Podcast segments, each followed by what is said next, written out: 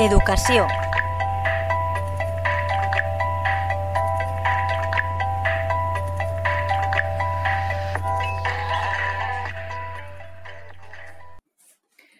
Buenas tardes amigos. Madre mía el lío que se ha montado con el temita del PIN parental.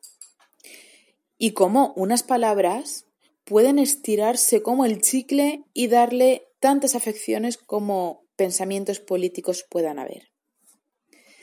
En política yo no voy a entrar, pero sí quiero intentar razonar un poco sobre el tema. Me parece un tema que viene muy bien a esta sección. A ver, como control parental entendemos al control que se aplica, por ejemplo, en el uso de aplicaciones, de móviles, de YouTube, pues es para que los niños no tengan acceso a contenidos inapropiados. Es diferente a un consentimiento parental, que digamos que es una firma para que tu hijo, en este caso, o tu hija pueda asistir a eh, ciertas actividades. Eh, por ejemplo, a una excursión Puedo haberle castigado sin ir a la excursión, en este caso no le firmo el consentimiento, o no tengo dinero suficiente, no le puedo firmar el consentimiento.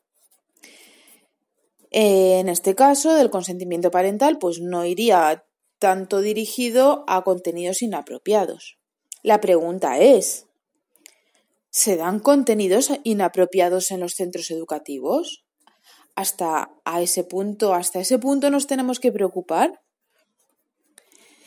¿Qué hay de los contenidos de los que tanto se habla y de los que tanto se debate? Bueno, pues algunos se debaten más que otros.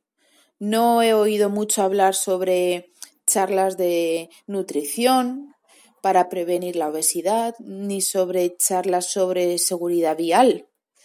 De esas no he escuchado ningún debate. Las consideramos todas importantes. Eh, información sobre el bullying, charlas de información sobre o prevención sobre el bullying. Pues de esto sí que se ha debatido. ¿Hay algún padre, madre o tutor que no quiera que su hijo asista? Pensemos que hay que trabajar en el tema desde la propia educación para crear personas no acosadoras. Ya se trabaja en esto.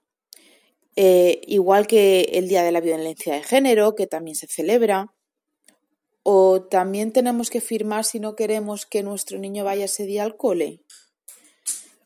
Un padre, madre o tutor tiene derecho a elegir un centro donde esta materia no se aplique. ¿Hay algún centro donde esta materia no se aplique?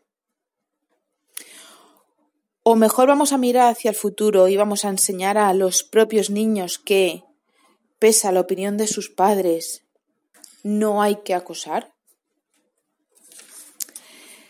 Otro de los temas, el tema estrella, educación o información sobre sexualidad. Que todos conocemos la situación actual de los adolescentes y entendemos la educación en sexualidad, entendemos que es básica para un desarrollo personal. Si un padre, madre o tutor no quiere que su hijo acceda a esa información, ¿está en su derecho de prohibírsela como padre? Dicho de otra manera, ¿es algo perjudicial, malo para los niños?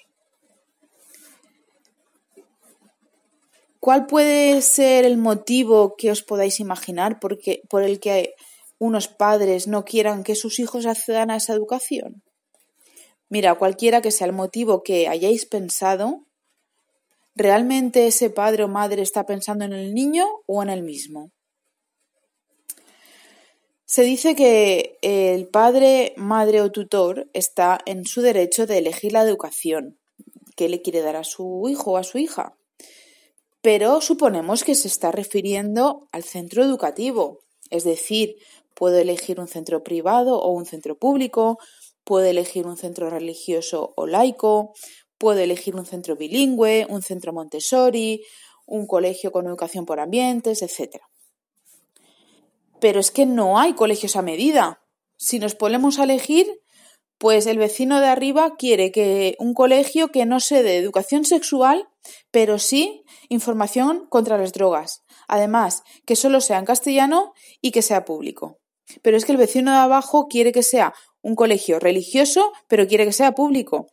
Pero además que no hagan educación por la igualdad, pero que sea solamente en valenciano. Veamos. Eh, ¿Qué dicen entonces los claustros? Porque recordemos, un claustro es la representación de maestros, de ayuntamientos, de padres y de niños. ¿Por qué no dejamos que sean ellos quienes mejor decidan? Y si quieres tener voz y voto en un consejo, ya sabes, preséntate. Al final, como padres, empecemos por preguntar directamente a los niños si ellos quieren ir, que tienen esa información en su mano, aunque a nosotros no nos guste. Y confiemos en que los centros educativos están cada vez más reciclándose y aprendiendo a educar mejor a nuestros hijos en temas que a nosotros se nos escapan de las manos. ¿Vamos a prepararles bien para su futuro? En todo caso, si no estás de acuerdo con mi opinión, ¿tienes algún motivo? ¿Tienes alguna explicación que demuestre lo que yo estoy diciendo o que demuestre lo contrario? Sin afán de entrar en política y hablando siempre con educación y desde la educación, tienes abierto este espacio para ti. Saludos.